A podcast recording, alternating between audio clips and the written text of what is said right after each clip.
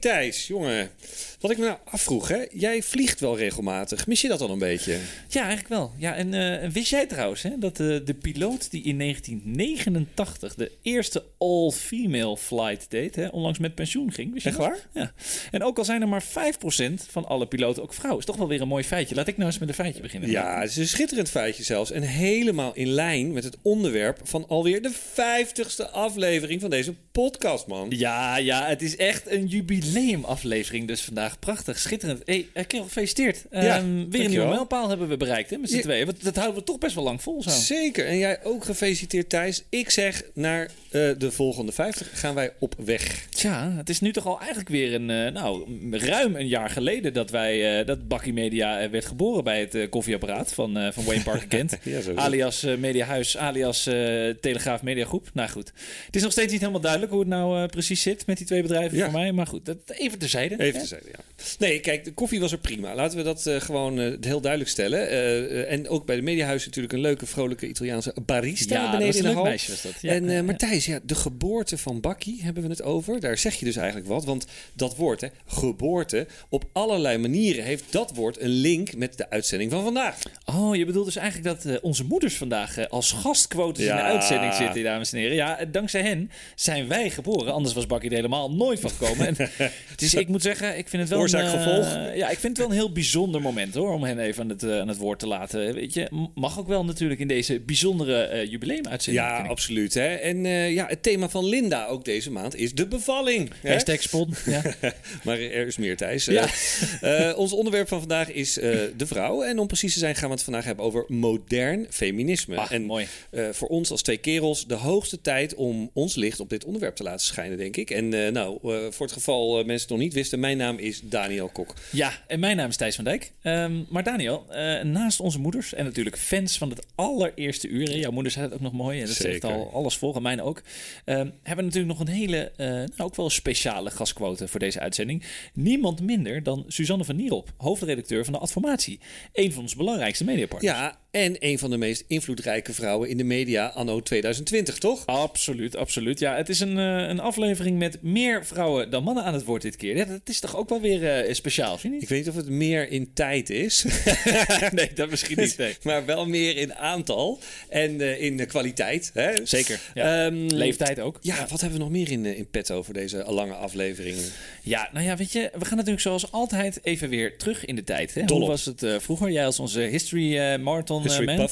Daar weten onze moeders alles van trouwens, over historie. Ehm, en we hebben het een beetje over de geschiedenis. En ik ben wel weer benieuwd wat jij als onze bakkie-historicus eh, hebt opgescharreld allemaal, Daniel. Vertel. Zeker. Ehm, nou ja, eh, seksistische algoritmes gaan we het onder andere over Oh hebben. ja, ja, bizarre seksistische autobouwers gaan we natuurlijk ook over hebben. Femwashing, Ja. pink tags, ga maar door, ja. Ja, maar goed. eh, jij noemde het net al een beetje in jouw eh, voorwoord over de, nou ja, hè, over de Linda Spon. Ehm, Ja. Daar ben jij gaan werken als man in het, in het vrouwenbolwerk in Absoluut. het prachtige Naarden. Of Hilversum, waar is het? Naarden, klopt, ja. En nou, en of, of in elk geval zit je nu bij Talpa, het bureau. Maar nu eigenlijk als een soort ja, zendeling met een Linda-achtergrond. Voelt een beetje Ja, soort van de, absoluut. eh, de, de, last, eh, de, de, de last survivor. eh, you can take beetje. the guy out of Linda, but you can't take Linda out of the guy. Oh, hè? schitterend. Dit zal, dat zal Yilda wel waarderen, denk ik, deze zeker, uitspraak. zeker. En- Ehm, maar even, even voor, Ja. de, voor, de, voor de luisteraars. Hè. Hoe is het nou om zo ongeveer als enige man eh daartussen al die vrouwen te werken? En hoe, hoe kijk jij dan aan tegen dit onderwerp van eh, modern feminisme? Ja, grappig is dat. Ik, nou ja, weet je, ik voel me altijd co- heel comfortabel met eh, groepen vrouwen en groep, met groepen mannen ook. Maar ik vind dat perfect en ik voel me daar verder niet opgelaten of moeilijk over. Ik, heb Nou, jij best- blendt wel lekker in, hè? Zo, dat, is, Ja. dat kun je wel gewoon. Zo een beetje mee blenden. ik ben wel een beetje in die zin een, een chameleon, maar ik vind het oprecht heel fijn. En ehm, eh, zeker ook bij de Linda-vrouwen, want de, de vrouwen daar zijn bijzonder recht voor zijn raap, zeggen waar het op staat. En duidelijk en zakelijk ook, weet je wel. Maar ook hartstikke lief en attent. Hè. Echt, nou ja, hè, de leukste vrouwen van Nederland, echt waar. En ehm, dit, eh, dit onderwerp vind ik ook wel belangrijk, ja. En vrouwen zijn denk ik, ja, hoe zeg ik dat? Een beetje de redding van onze wereld. Zo, je onze... zet er even een statement in. Ja, ja, nee, zeker. En het is ook een beetje lastig uit te leggen waarom dat dan is. Ik, ik, ik denk dat het gewoon een feit is, hè? ja. Nou Maar- goed, in elk geval, we gaan wel meer vrouwelijke luisteraars krijgen, denk ik, in deze uitzending. Oh ja, of juist niet. Of niet, ja. Dat is een beetje beetje de, de vraag. Ja. Maar ja, en, en als ik het moet beredeneren, eh, denk ik dat het ook te maken heeft met wat we net zeiden, de geboorte. Ehm, ja, vrouwen zijn toch in staat uh, leven, inzicht te creëren, te scheppen en op de wereld te, te, zetten. En ja, als je dat scheppende vermogen in je systeem hebt, dan, dan geloof ik uh, gewoon dat je niet de boel kapot maakt. Dan geloof ik gewoon dat je ook heel belangrijk bent voor het creëren van, van, ja, van de toekomst. Mooi punt. Het is bijna filosofisch. Dit is niet ja. eens meer historisch. Een soort ode aan de vrouwen Zeker, doen we ja. vandaag.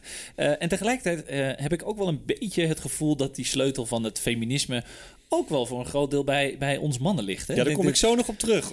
Hou die vast. Nee, ja, zeker bij dingen als, als gelijke behandeling. Uh, de vrouwen zijn absolute strijders hè, en, en, maken duidelijk wat ze willen. Maar op de plaatsen waar uh, de mannen in de meerderheid zijn, nou, zoals de meeste boardrooms uh, aan het hoofd van, van de mediabedrijven, moeten de mannen ook wel een beetje de, de knop gaan omzetten. En ja, wij mannen zijn nu toch in, in heel veel gevallen nog wel in de meerderheid, ja, denk ja, ik. Ja, ja, we zijn eigenlijk alweer te lang als man hierover aan het woord, Thijs. En laten we snel een, een, vrouw aan het woord laten die ons hier kan leiden. Ja, dat vind ik eigenlijk wel een goed idee. De quote van uh, Suzanne van Nierop over hoe het nou precies zit in de media. Suzanne, ga je gang. Thijs en Daniel, Suzanne van Nierop hier van jullie mediapartner Adformatie. Nou, wat leuk dat jullie mij uh, deze vraag voorleggen. Uh, het gaat over modern feminisme en hoe zich dat vertaalt naar media. Nou, laat ik dan maar eens beginnen met een kleine tip. vraag niet alleen een vrouw voor uitzendingen die gaan over diversiteit. Want er lopen zoveel goede vrouwen rond in het media- en marketingvak en die praten liever over het vak zelf. Neem dat maar even van mij aan. Om die reden hebben we vorig jaar ook een adformatie uitgebracht waarin uitsluitend vrouwen aan het woord waren. Het viel niemand op, gelukkig. En als de informatie goed is, maakt het natuurlijk ook niet uit wie het zegt. En toch komen mannen drie tot vier keer vaker aan het woord als nieuwsbron dan vrouwen. Dat is natuurlijk belachelijk. Voor mij houdt feminisme in dat mannen en vrouwen gelijke kansen hebben. We zijn biologisch onmiskenbaar verschillend en dat is bijzonder prettig. Voor bepaalde beroepen is fysieke kracht bijvoorbeeld handig. Maar ja, zoals we allemaal weten, hoef je voor marketing en media niet sterk te zijn. Er zijn biologisch geen redenen waarom mannen of vrouwen beter zouden zijn in dit vak. De kansen kunnen en moeten daarom ook volledig gelijk zijn. En dat zijn ze niet. Want dat zie je aan de compleet scheve verdeling aan de top van mediabedrijven en bureaus. En ja, dat is erg, want we zijn als vak mede verantwoordelijk voor beeldvorming en kunnen hardnekkige stereotypes in de rest van de maatschappij veranderen. Zelf ben ik van pragmatisch feminisme. Gewoon uitgaan van je eigen cirkel van invloed. Dus ik spreek mensen aan op het maken van seksistische grappen. Wijs redacteuren er regelmatig op als ze nog geen vrouwelijke expert hebben benaderd voor een artikel. En let ook bij het samenstellen van mijn eigen team en panels en juries op een goede verhouding. Het lekkere is natuurlijk dat iedereen dit kan, mannen en vrouwen. En daarnaast moet je natuurlijk in een leidinggevende positie voor zorgen dat salarissen en beloningsstructuren en prikkels volledig gelijk zijn. Want dan creëer je ook automatisch gelijkheid op de vloer. Zelf ben ik niet zo van social activisme, maar ik ben wel heel erg blij dat vrouwen zoals Madeleine van de Nieuwenhuizen er zijn, ook wel bekend als zijkschrift, om de vinger op de zere plek van de media te leggen. Wat wel buiten mijn macht ligt en waar ik me echt zorgen over maak, is de digitale kant van het vak. Daar waar techniek wordt gebouwd. We weten nu al dat algoritmes en zelflerende systemen niet neutraal zijn. Ze discrimineren. En ik denk dat we moeten zorgen dat die worden gebouwd door zo divers mogelijke teams. Geef meisjes dus nodig geld toe om een technische studie te gaan doen. Want anders lopen we de kans dat feminisme in rap tempo terug bij af is. En dat er systemen met ingebakken ongelijkheden, ongelijkheid worden neergezet. Nou, Thijs en Daniel, ik ben reuze benieuwd naar deze uitzending. En natuurlijk naar hoe feministisch jullie zelf zijn. En uh, bel me snel weer eens hè, voor een mening. Dag. Oei, ja, ja, ja, daar kregen we toch een beetje een uh, tik op de vingers, Thijs. Ja, dat is een beetje pijnlijk. Ja, ja. ze heeft al uh, ook echt een punt. Hè? Dan vragen we een keer een topvrouw uit de media... en dan is het gelijk over het vrouw zijn... en niet over pak een beetje het hoofdredacteurschap... of haar visie op het medialandschap of whatever...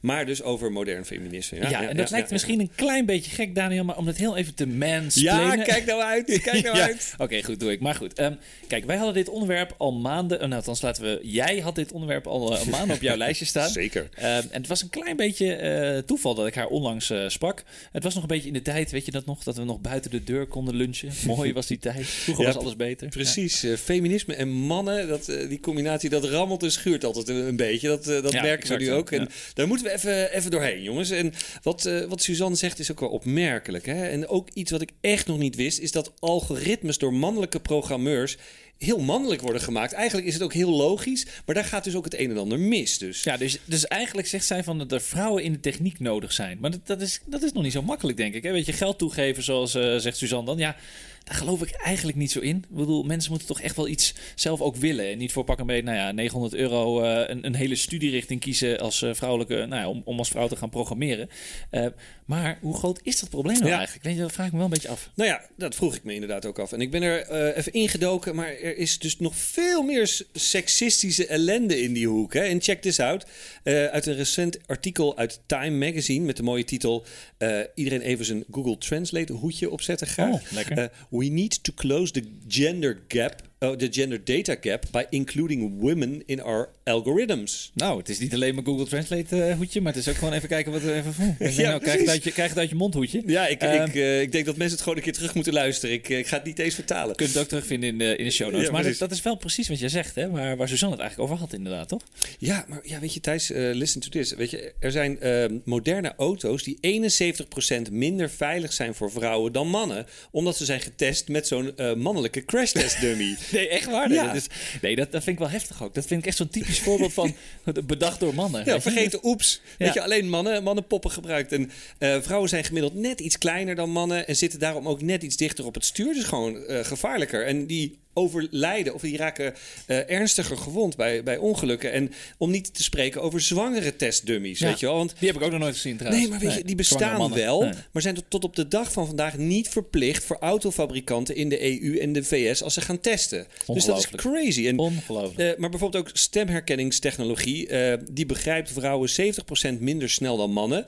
Ja, inderdaad. ik om- ook hoor. Ik begrijp minder ook. Vrouwen ook minder snel dan mannen. Dus misschien ligt het niet, ligt het niet aan de technologie. Nee, ja, precies. Maar, maar jou, eh, wat er in jouw hoofd zit, komt in die programmatuur terecht. Ah, en ja, vervolgens wordt die stem ja. van die vrouw ge- gewoon niet gehoord. En eh, ja, veel van die algoritmen zijn dus inderdaad... eh, ja, op, op 70% mannelijke testgegevens zijn die gemaakt. Ja, ja, je had dat doorgestuurd van, vanuit het artikel in de, dat artikel in The Guardian. Hè? Dat, dat toen Apple dus Siri een paar jaar geleden maakte. Trouwens, wa- wat ik dacht, ik heb altijd het gevoel dat Siri een, een vrouwenstem, maar je kunt natuurlijk ook anders programmeren. Maar ik heb Siri natuurlijk als vrouwenstem ingesteld.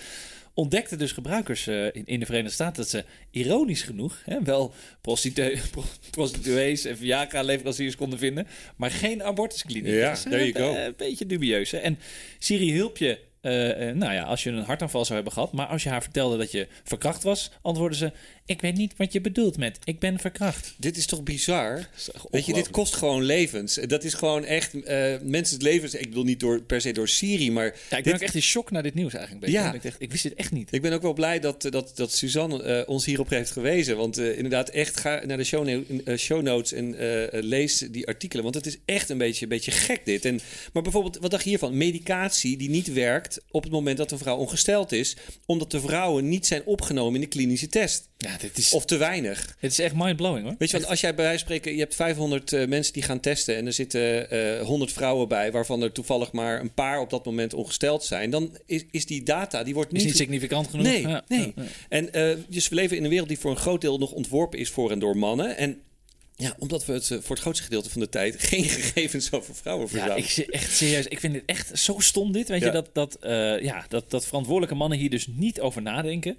Ja, het wordt wel echt tijd voor een serieuze eh, revolutie, denk ik. En misschien moeten wij als bakkie media mannen maar het, het goede voorbeeld geven. Nou ja, ja, ik denk dat we, ja, dat, dat proberen we te doen door dit soort dingen te, te bespreken. Maar inderdaad, ja, ook een man in, in andere functies. En dat is wat je net ook al zei. De, de, de rol van de man om hier ook vanuit zijn eigen rol dit mee te gaan nemen. En ja, en ik las dus nog iets, eh, ook een beetje in deze, eh, deze trant, dat de steekvesten die door de politie in Engeland eh, worden gedragen, ik weet niet hoe dat in andere landen is, maar dit ging over Engeland in The Guardian, dat die volledig voor mannen zijn ontworpen, waardoor er dus echt ook vrouwelijke politieagenten zijn overleden, omdat ze enorme risico's liepen op patrouille. En er was dus niet nagedacht over dat er ook ja, een paar borsten in zo'n steekvest moeten. ja, het is dus allemaal een beetje een soort van one size fits man. Ja, niet En- maar men, ja. Ja, en, en dit is ook wel weer een enorme kans, denk ik, voor, eh, voor bedrijven hè, om daar iets mee te doen. Als je nou als bedrijf of als merk deze dingen wel gaat doen, en dan laat je blijken aan de vrouwelijke doelgroep dat je je in hen kunt verplaatsen, weet je, dan als bedrijf een beetje empathie. En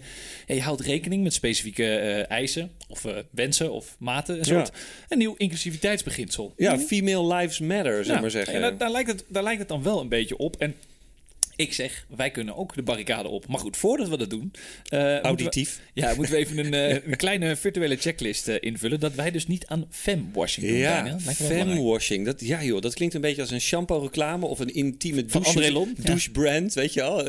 maar ik, ik schat zo in dat dit waarschijnlijk weer in het verlengde ligt van de greenwashing en de pinkwashing. En je hebt ook nog woke-washing tegenwoordig. Ja, ja, precies. En weet je dat we het daar dus in onze allereerste aflevering al over hebben gehad, Daniel? Weet Ik heb hem net zitten luisteren in de auto, Ja, serieus. Back Memories, hè? Dat we pinkwashing, dat ik toen eh, bij BNR was. Flixcam. Dat Flixcam, dat we daarover gingen hebben. Ja. Maar, eh, eh, nou ja, nu dus in onze vijftigste aflevering eh, kwam er een blog voorbij van, van Gieteke Meerman. En ja, stond Tag. Het, ja, st- stond het femwashing dus best wel eh, goed uitgelegd, vond ik. En zo heb je bijvoorbeeld, eh, nou jij hebt dat ook al een keer eerder verteld eh, over Barbie. Hè? De, Ja. de Barbie van Mattel, die, eh, die jarenlang een verkeerd zelfbeeld voor vrouwen in de wereld hield met graadmagere poppen. En, maar tegenwoordig moeten die Barbies dus een soort van ja, baken zijn voor female empowerment. En Cool, ja.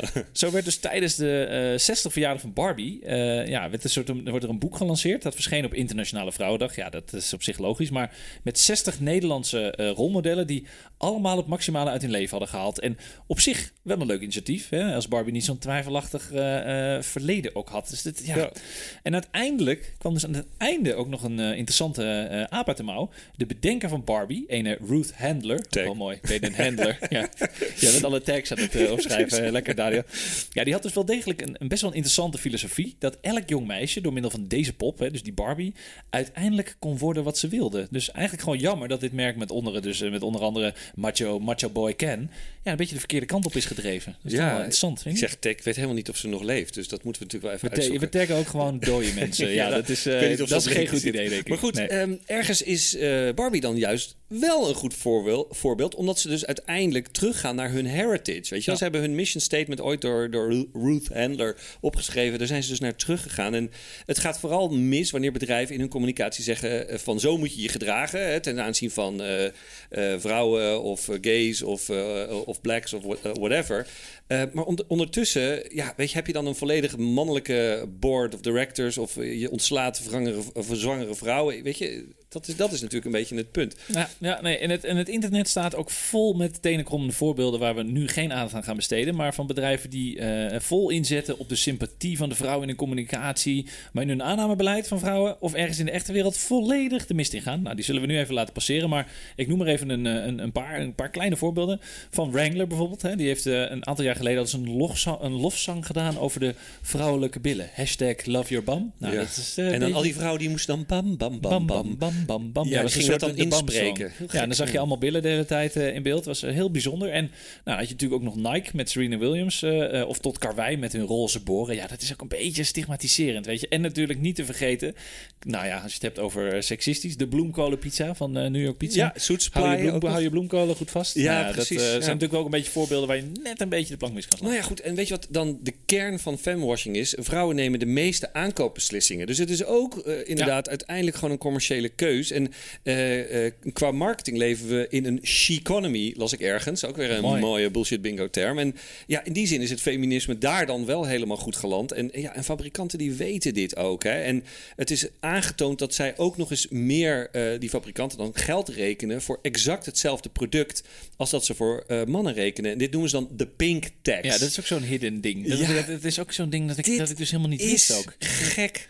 Dit is gek. Weet je wel, ik zag een foto van een, ehm, een- blauwe pritstift en een rode pritstift. Weet je, dat, zijn ze toch een beetje aan het gender opdelen. Het is echt De, nasty. de gender pritstift. Ja, precies. Het scheermesjes, deodorant of badgel is voor mannen dus goedkoper. Ja, we het ook al minder. Nee. Dus ja, nou ja, maar ook Lego voor meisjes, spijkerbroeken. Vrouwen betalen daar dus meer voor. Weet je wel, vrouwen koop gewoon eh, voor, voor je deodorantje gewoon een mannendeodorant. Gewoon een lekkere mannelijke geur ook. Nou ja, ik denk dat het eerlijk gezegd niet Maakt zo niet heel... zoveel uit. Nee. En het is dus een structureel, structureel globaal globaal fenomeen. In de VS rekende een onderzoeksbureau uit dat de vrouwen gemiddeld 37% meer betalen. En dan voor- krijgen ze minder betaald en dan moeten ze meer gaan betalen. Dat is Ja. eigenlijk ook wel een beetje nog meer ongelijkheid eigenlijk. Ja, en ze, en komen sneller om omdat er geen vrouwelijke crashtest dummies zijn. En dit prijsverschil zorgt dus voor dat vrouwen per jaar dus ongeveer 1320 dollar meer uitgeven dan mannen. Nou, bam. Ja, vind jij het dan ook niet heel gek dat een, eh, een, een modern en, en welvarend land als Nederland hè, nog, nog nooit een vrouwelijke minister-president heeft gehad? Eigenlijk, bedoel, we zitten natuurlijk nu ook midden in Amerikaanse verkiezingen. Nou, daar zitten die twee bejaarden tegen elkaar eh, op te bieden. Maar een vrouwelijke leider, daar kunnen we toch, eh, ja, dan kunnen we jarenlang praten over boardrooms en CEO's. Maar als we het hoogste ambt van het land niet eens kunnen formaliseren, ja, dan wordt het toch een beetje lastig. Ja, ho, ho, ho, maar wacht eens eventjes. Dan moet je toch nog even een klein lesje staatsrecht geven. Het hoogste ambt in dit land eh, is grondwettelijk nog steeds de koning van Oranje Nassau van Buren, et cetera. Ondanks een paar bloopers met Lockheed, eh Zorgieta en eh, recentelijk dan Griekenland. Ehm, we hebben dan nu inderdaad Wim Lex, maar eh, van Wilhelmina tot en met Beatrix waren het allemaal vrouwen. Hè, officieel dus het staatshoofd. Ja. Van 1820 tot 2013, 123 jaar lang, was er voortdurend een vrouw aan de macht in Ja, oké, Nederland. daar heb je wel een punt. Maar aan de andere kant is die macht natuurlijk wel een steeds groter wassere neus. Hè? Bedoel, wat heb je nou nog te zeggen als Madame koning Wim Lex? neus. Moet, je kunt alleen maar even aanbieden, je kunt alleen maar je excuses aanbieden als je naar, naar Griekenland vliegt. En dan kom je op zo'n eh, nou, op zo'n zo'n filmpje en dan ga je zeggen, sorry, eh, ik had beter moeten nadenken. Maar ja, het is toch ook wel weer grappig dat, dat zo'n ondemocratisch instituut, hè, zoals een beetje de Ja. monarchie, ons allemaal de weg moet wijzen. En Maar als weet we- je, ik heb dus eh, uiteindelijk eh, eh, even ernaar zitten kijken. Hè? Want je hebt natuurlijk veel in het nieuws de afgelopen tijd. je hebt allerlei vrouwelijke leiders. Je hebt, weet je wel, Merkel in Duitsland, et cetera. Maar ik heb daar even een spade dieper gekeken. Hè? Ehm, eh, eh, dieper dan de bekende voorbeelden. Dus de Scandila- Scandinavische ja, die landen. kent. En die, je- die vrouw uit Nieuw-Zeeland die natuurlijk Ja. daar ook weer op de barricade stond. Nou, Die precies, het hele die- land afsluit. Nou ja, en die dus eventjes schrok van een aardbeving. Heb je dat nog meegekregen? Ja, maar hij was ook in IJsland, toch? Was ook in IJsland zat ook zo'n vrouw. Die staat ook Ja. aan boom. En in, in Oh, ik dacht- Nieuw-Zeeland. oh, nee, Volgens mij dat- was het in IJsland. Was Oh ja, dat, dat, dat de prime minister, de prime minister in IJsland. Oeh, there's an earthquake. Ja, precies. Maar die kreeg dus kritiek omdat ze dus een soort van daar heel erg van schrok. Dat ik dacht, hallo, er is Wat gewoon een onzin aardbeving. De officiële Ja. richtlijnen moet je onder je bureau gaan zitten. Maar zij zegt, oh, wacht even. hey, een aardbeving. We gaan weer door. Dat is best wel netjes. Maar nou, ik heb dus even verder gekeken dan die bekende voorbeelden. En eh, wist je dat ook moslimlanden als Pakistan, Indonesië en zelfs Turkije in het verleden alles een vrouwelijke premier hebben gehad? Nee. En dat Nee. Singapore en Bangladesh zelfs op dit moment een vrouw in het hoogste ambt hebben. Sheikh Wasina in Bangladesh is zelfs de langstzittende minister-president Ja, van dat, land ooit. Dat is, dat is, maar dat is ook echt wel iets om over na te denken. Ik, bedoel, ik wist dit niet, hè, maar eh, tegelijk zijn er dus stuk voor stuk landen die nou ja, een breed scala andere, nou ja, heel veel sociaal-maatschappelijke problemen hebben. Hè. Daar wordt nog wel eens iemand opgehangen of eh, gestenigd eh, vanwege homoseksualiteit. Ja, dat is op zich natuurlijk wel waar. En ben ik het ook mee eens. Maar ehm, ook daar heb je problemen. En het, het zijn ook maar een handje vol voorbeelden. Want je hebt natuurlijk veel meer eh, eh, landen. Maar toch, weet je, regelmatig hoor je bijvoorbeeld dat eh, moslimvrouwen 10 meter achter hun man eh, lopen. Weet je wel? Of, of dat ze dat moeten doen. En tegelijk hebben de mensen in die landen er dus geen enkel probleem mee om achter hun vrouwelijke leider aan te lopen. Mooi, ja, dat is een eh, mooie, mooie, mooie oplossing. Maar goed, eh, luister. Kijk, eh, we hadden het net even over dat Nederland al sinds 1890 een topdog had. Hè? We zijn dus even nu eh, met Wim Lex, eh, zijn we even, even, even, de vrouwelijke... Straks krijgen we Amalia. De vrouwelijke streak, Ja. ja, nou, Amalia, kennen we de vrouwelijke streak een beetje doorbroken. Maar eh, pas in 1919, ik doe ook eh, even een klein beetje geschiedenis, ik heb Heel ook een klein beetje verdiept. Goed zo. Ehm, kreeg de wereld dus eigenlijk structureel toen het algemeen eh, kiesrecht werd opengesteld voor vrouwen. Dus toen werd het pas echt van, oh, oké. En dat was dus het eerste succes voor eh, de vrouwenbeweging. En daarna is er nog wel heel hard gestreden voor eh, ja, meer maatschappelijke en sociale gelijkheden. En ja, en dat brengt ons nu eigenlijk toch ook al bij onze moeder staan. Ja, nou leuk. Laten we ze aan het woord laten. Hè. En allereerst jouw moeder dan, Tilleke, over de tweede feministische golf en haar bijzondere verhaal eh, daarbij. Hoi, Thijs en Daniel. Als fan van het eerste uur, en zeker een van jullie grootste fans, kreeg ik de vraag wat mijn kijk is op het moderne feminisme. Natuurlijk heb ik daar als feministe van de tweede golf een mening over. Toen de tijd werd er gestreden voor dingen als abortus, seksueel geweld tegen vrouwen, opleidingsmogelijkheden en gelijke verdeling binnen het huwelijk. Door op de barricade te klimmen, een straat af te sluiten of op een plein te gaan staan met spandoeken of zwaaiend met je BH. Of zoals in mijn geval een sit-down houden in de pas geopende eitunnel. Nu wordt er gebruik gemaakt van social media en influencers. Logisch, want met een bordje in een weiland gaan staan levert je geen wereldwijde publiciteit op tenslotte. Maar de spanning van na, van na een nachtje op de dam slapen of actie voeren rond het maagdenhuis en dan met waterkanonnen weggespoten te worden, die maken de hedendaagse feministen niet meer mee. Jammer genoeg is het na 40 jaar nog steeds hard nodig om actie te voeren, al is er na de tweede feministische golf wel veel veranderd. Maar mijn eigen ervaring in de medische wetenschap is toch nog altijd dat je als vrouw veel harder moet werken en je je veel meer moet bewijzen om aan de top te komen en te blijven. En dan ook nog eens tegen een beduidend lager salaris dan je mannelijke collega met dezelfde kwaliteiten. Daar waar het heel gewoon is dat vrouwen minder gaan werken om voor de kinderen te gaan zorgen, worden mannen er heden ten dagen op afgerekend als ze ook graag een papadag willen.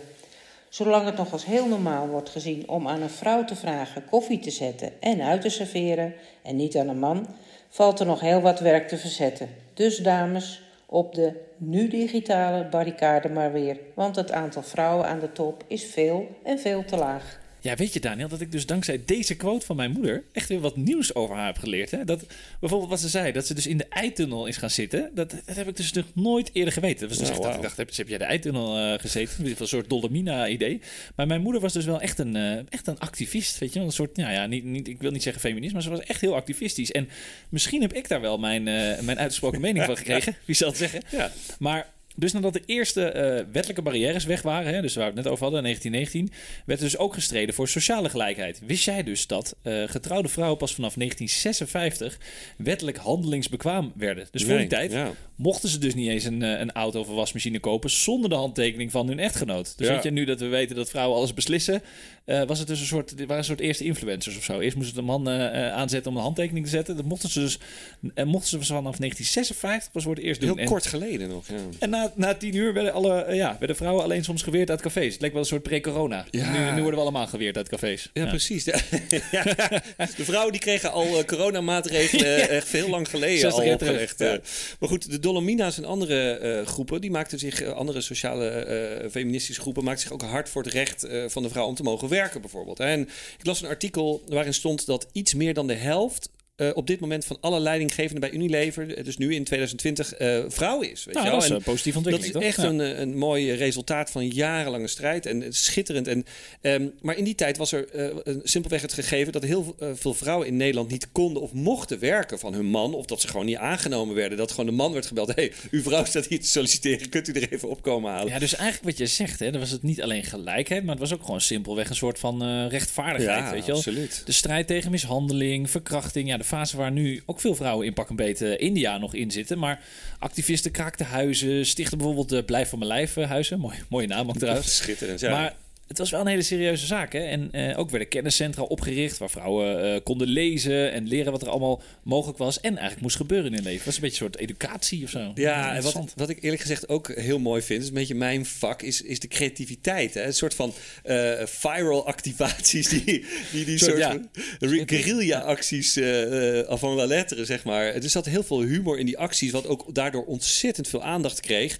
Omdat er ergens latent in de samenleving heel veel vrouwen waren die vonden dat er iets niet klopte en dat er iets moest veranderen. En ja, dus deze groepen die hadden eh, de- van die mooie ludieke acties. eh, bijvoorbeeld mannelijke urinoirs, die werden met een roze lint dichtgebonden, omdat er gewoon werkelijk nergens openbare was een soort voorloper van de Pink Ribbon. Ja, ja, maar er waren gewoon geen openbare damestoiletten. Die konden gewoon niet naar het Ja, toilet. dat is toch ook raar. eigenlijk. Kun je, er ook niet, kun je er ook niet bedenken dat dat gewoon niet bestond. hè? Nee, nee. Ze, ze beplakten nachtclubposters, weet je, op de wallen. Dan had je allemaal van die clubs met allemaal hele zwoele vrouwen. En daar plakten ze dan eh, foto's van eh, mooie mannen op. Weet ik wel, Robert Redford of zo, whatever. of misschien iets uh, soort de dubieuzer. voorloper van wildplakken is dit. Ja, precies. En dan deelden ze condooms uit aan leerlingen van de huishoudschool. Zo van, nee joh, kappen met die huishoudschool. Gewoon lekker, eh, lekker seksen.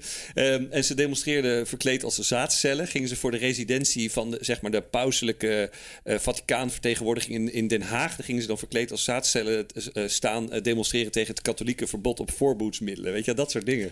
Maar Daniel, even eh, naar, naar aanleiding van het verhaal van mijn moeder. Hè? Eh, maar nu eventjes naar, naar jouw moeder. Ja. Want dit, is, dit komt daar vandaan en de activisten. Het is een heel ander beeld. Dat vond ik wel heel interessant. En niet iedereen was in die tijd eh, heel activistisch. De meerderheid was dat eigenlijk niet. Nee. En het is ook wel goed om eh, een ander perspectief eh, te laten horen. Jouw moeder, Marianne, nu even aan het woord. Daniel en Thijs, van harte gefeliciteerd met jullie 50ste Bakkie Media podcast. Een jubileum met goudmerk. Ik beluister altijd met plezier jullie spitsvondigheden over media, marketing en advertising. Maar leer ook veel van die inhoud. Voorwaarts naar de honderdste podcast. Deze strijdkreet brengt me op het onderwerp modern feminisme, waarover jullie mijn mening vroegen. Het belangrijkste jaartal daarvoor is 1919, toen de Nederlandse vrouwen algemeen kiesrecht afdwongen. Ikzelf heb nooit op de barricade gestaan, niet uit onwil of desinteresse, maar van 1965 tot in de jaren 80 woonde ik met mijn gezin in het buitenland. Mijn man verdiende de kost en ik regelde als fulltime huisvrouw de rest. En dat was behoorlijk veel aangezien we in Zuid-Afrika, Argentinië, Venezuela en Spanje gingen wonen. Dat waren toen landen met beperkte voorzieningen, waar ik in een andere taal en cultuur zelf alles moest uitvinden. Ook de nieuwsvoorziening was beperkt. Geen tv en de lokale pers was gecensureerd. We lazen voornamelijk Amerikaanse artikelen over van alles en nog wat, maar niet over de Hollandse Dolomina's. Want die waren helemaal geen wereldnieuws. Pas bij terugkeer in Nederland kon ik met eigen ogen zien hoezeer de Nederlandse maatschappij veranderd was. Ook voor de vrouw. Na meer dan 15 jaar afwezigheid moesten we een hoop regelen. Daarna kon ik pas een inhaalslag maken in mijn eigen ontwikkeling en kennis en mij een mening vormen. En wat is dan mijn mening over modern feminisme? Nou, Thijs en Daniel, misschien mag ik me hierbij direct richten tot jullie moderne vrouwelijke luisteraars. Ik heb ongelooflijk veel bewondering voor jullie duizendpoten. Vaak met een fulltime baan, het runnen van een gezin en het op de rails houden van een huishouden. Zeker in deze tijd is dat geen gemakkelijke taak. Tegelijk is het goed te beseffen dat de mogelijkheid hiertoe mede tot stand is gekomen door de strijd van een aantal sterke vrouwen van vroeger en van nu. Ikzelf heb daar weinig aan bij kunnen dragen, maar kan jullie uit eigen ervaring vertellen dat we op wereldniveau hier in een bevoorrecht land leven. En dat geldt zowel voor, voor mannen als voor vrouwen. Dus zorg dat je die positie maximaal benut. Ja, ja, ja, ja, ja. Ik ben dus uh, opgegroeid uh, ja, uh, tot mijn tiende in het buitenland. Hè? Echt een globetrotter. Ja. Hè? Dat is een Harlem Globetrotter. Zeker. Ja, ik ben mooi. geboren in Spanje. Ik, daarna in Zuid-Afrika gewoond. ook een beetje in de foute tijd nog, in de apartheidperiode. Venezuela heb ik gewoond. En ja, we leefden in landen waar het, waar het heerlijk weer was. Waar ja, je toen dacht je, we gaan terug naar Nederland. Waar je lekker kon eten. Ik was nog te jong voor de wijn. Maar um, ja, het was natuurlijk wel het een en ander mis met de social justice, zeg maar, in, in die tijd. Hè? En rechten van de mensen eigenlijk in zijn algemeenheid. Dus niet alleen maar voor vrouwen. Maar, maar goed, als kind, kind kreeg je dat allemaal niet mee. Je had echt uh, natuurlijk hartstikke leuke tijd uh, daar. En, maar we hadden dus ook verder geen internet of mobieltjes. We wisten natuurlijk allemaal niet zo veel van die vrouwenstrijd voor het feminisme in Nederland. We hadden, wij spreken net kleurentelevisie waar we dan Amerikaanse films konden kijken. En ja, wat ik wel echt tof vond van mijn ma in die tijd is dat ze niet veilig uh, alleen maar bij de Nederlandse vrouwen bleef hangen, maar dat, dat ze er ook echt op uittrok uh, om lokale culturen, maar ook bijvoorbeeld uh, de, de, de vrouwen, de lokale vrouwen ook gewoon te spreken. Ze leerden de taal. Dat vond ik toch wel echt wel Ja, cool. en ik vond ook haar, haar eindoproep aan, aan onze vrouwelijke luisteraars vond ik ook wel mooi. Die was wel helemaal raak, vond ik. Ja. Het, het, klopt natuurlijk wel wat ze zegt, hè, dat we in Nederland ongelooflijk bevoorrecht zijn. Ik bedoel, we klagen erover van alles en nog wat, dat we niks meer kunnen, maar we zijn echt wel bevoorrecht. En het geldt eigenlijk voor, voor beide geslachten trouwens, voor mannen en, en vrouwen. Maar er worden ook wel uh, op dit moment wel mooie stappen gemaakt, vind ik, met inclusiviteit en gelijkheid. Al zijn we er natuurlijk nog lang niet. En dit is ook een beetje de, nou, de reden dat we hier natuurlijk lang over praten. Maar in Nederland zijn er wel uh, veel kansen voor iedereen. En dat zorgt wel ook voor dat je een bepaalde verantwoordelijkheid hebt. Zoals ja. jouw moeder natuurlijk ook duidelijk zei. En ja, wat jij net vertelde over Unilever geeft wel een soort hoop. Hè? Dat er dus bedrijven zijn. zijn ja. nou, zijn, er is nu een meerderheid, uh, in, ja, meerderheid van vrouwen. En ik zag dus ook nog wel onlangs een heel mooi voorbeeld van bank ABN AMRO.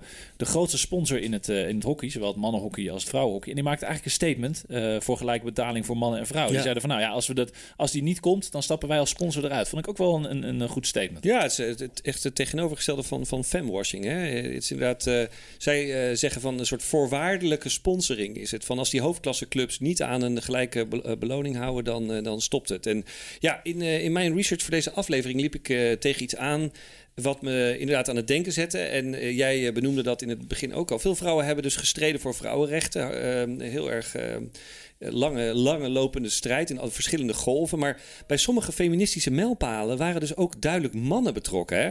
Het initiatief wetsvoorstel wat vrouwen in 1919 actief kiesrecht bezorgde... dat kwam van Pieter Marchand, een, eh, een man... Hè, die heeft dat eh, wetsvoorstel eh, ingediend, wat toen werd, eh, werd aangenomen. En bij de oprichting van de Dolomina's waren dus ook verschillende mannen heel actief betrokken. Ja, maar dat lijkt me inderdaad ook echt wel iets dat, dat mensen eigenlijk niet weten. Of misschien ontkennen. Zo van, nou, we hebben het allemaal zelf gedaan. Maar eigenlijk was het dus gewoon een joint effort. Ja, en kijk, feministen kunnen dus ook mannelijk zijn. Hè? En jij re- refereerde dus, daar dus aan. En, ehm, en dat vaak in het geval dat er dus wisselwerking is, dat, dat, dat kan vaak ook de sleutel zijn. Hè? En eh veel gevallen konden vrouwen eh, dat natuurlijk prima alleen af. En die hebben daar eh, geleden en gestreden, hartstikke goed. En, maar juist de mix heeft dus mooie dingen teweeggebracht. En ehm, ik denk dat ook zeker in de toekomst, in de nieuwe frontlinies die er aankomen, zoals bij de artificial intelligence en met, met computerprogrammeurs, softwareprogrammeurs, het voorbeeld wat, wat Suzanne aanhaalde, maar bijvoorbeeld ook bij de, de industrieel ontwerpers die spullen moeten maken. Ik, ik las ook bijvoorbeeld iets over dat, ik noem maar wat, de baksteen, dat die gemaakt wordt voor een mannenhand. Dus dat zeg maar mannelijke metselaars, die kunnen die baksteen oppakken, maar een gemiddelde vrouw heeft dus moeite om dan echt met één hand, met vingers, gewoon die baksteen Ja, dit Weet je, maar denk je ook niet over na. hè? zo zijn er honderd voorbeelden. Is dat er bij spreken ook van ja, eh, dat je daar dus over, over na moet denken. Maar ook reclamemakers, weet je wel. Dus vrouwen met behulp van mannen en, en mannen met behulp van vrouwen dan het verschil kunnen maken in hun eh, messaging. eh. Nou, ik moet zeggen, een prachtige afsluiting van deze Bakkie Media met de baksteen. Dit was Bakkie Media dus alweer, dames en heren. Onze jubileumaflevering zit er helaas alweer op. Op naar de volgende eh 50 afleveringen, zoals Daniel zei. Deze aflevering is zoals gebruikelijk terug te luisteren op alle bekende podcastplatformen. Ook zijn we te vinden op de platformen van onze mediapartners, De Ondernemer, De Adformatie en natuurlijk Topcast Media. En we zijn ook terug te vinden op de sociale media. Op Twitter via @bakkiemedia, op Instagram via @bakkiemediapodcast en ook op Facebook voor onze familie, vrienden en onze moeders. Ja. Tot volgende week. Doei.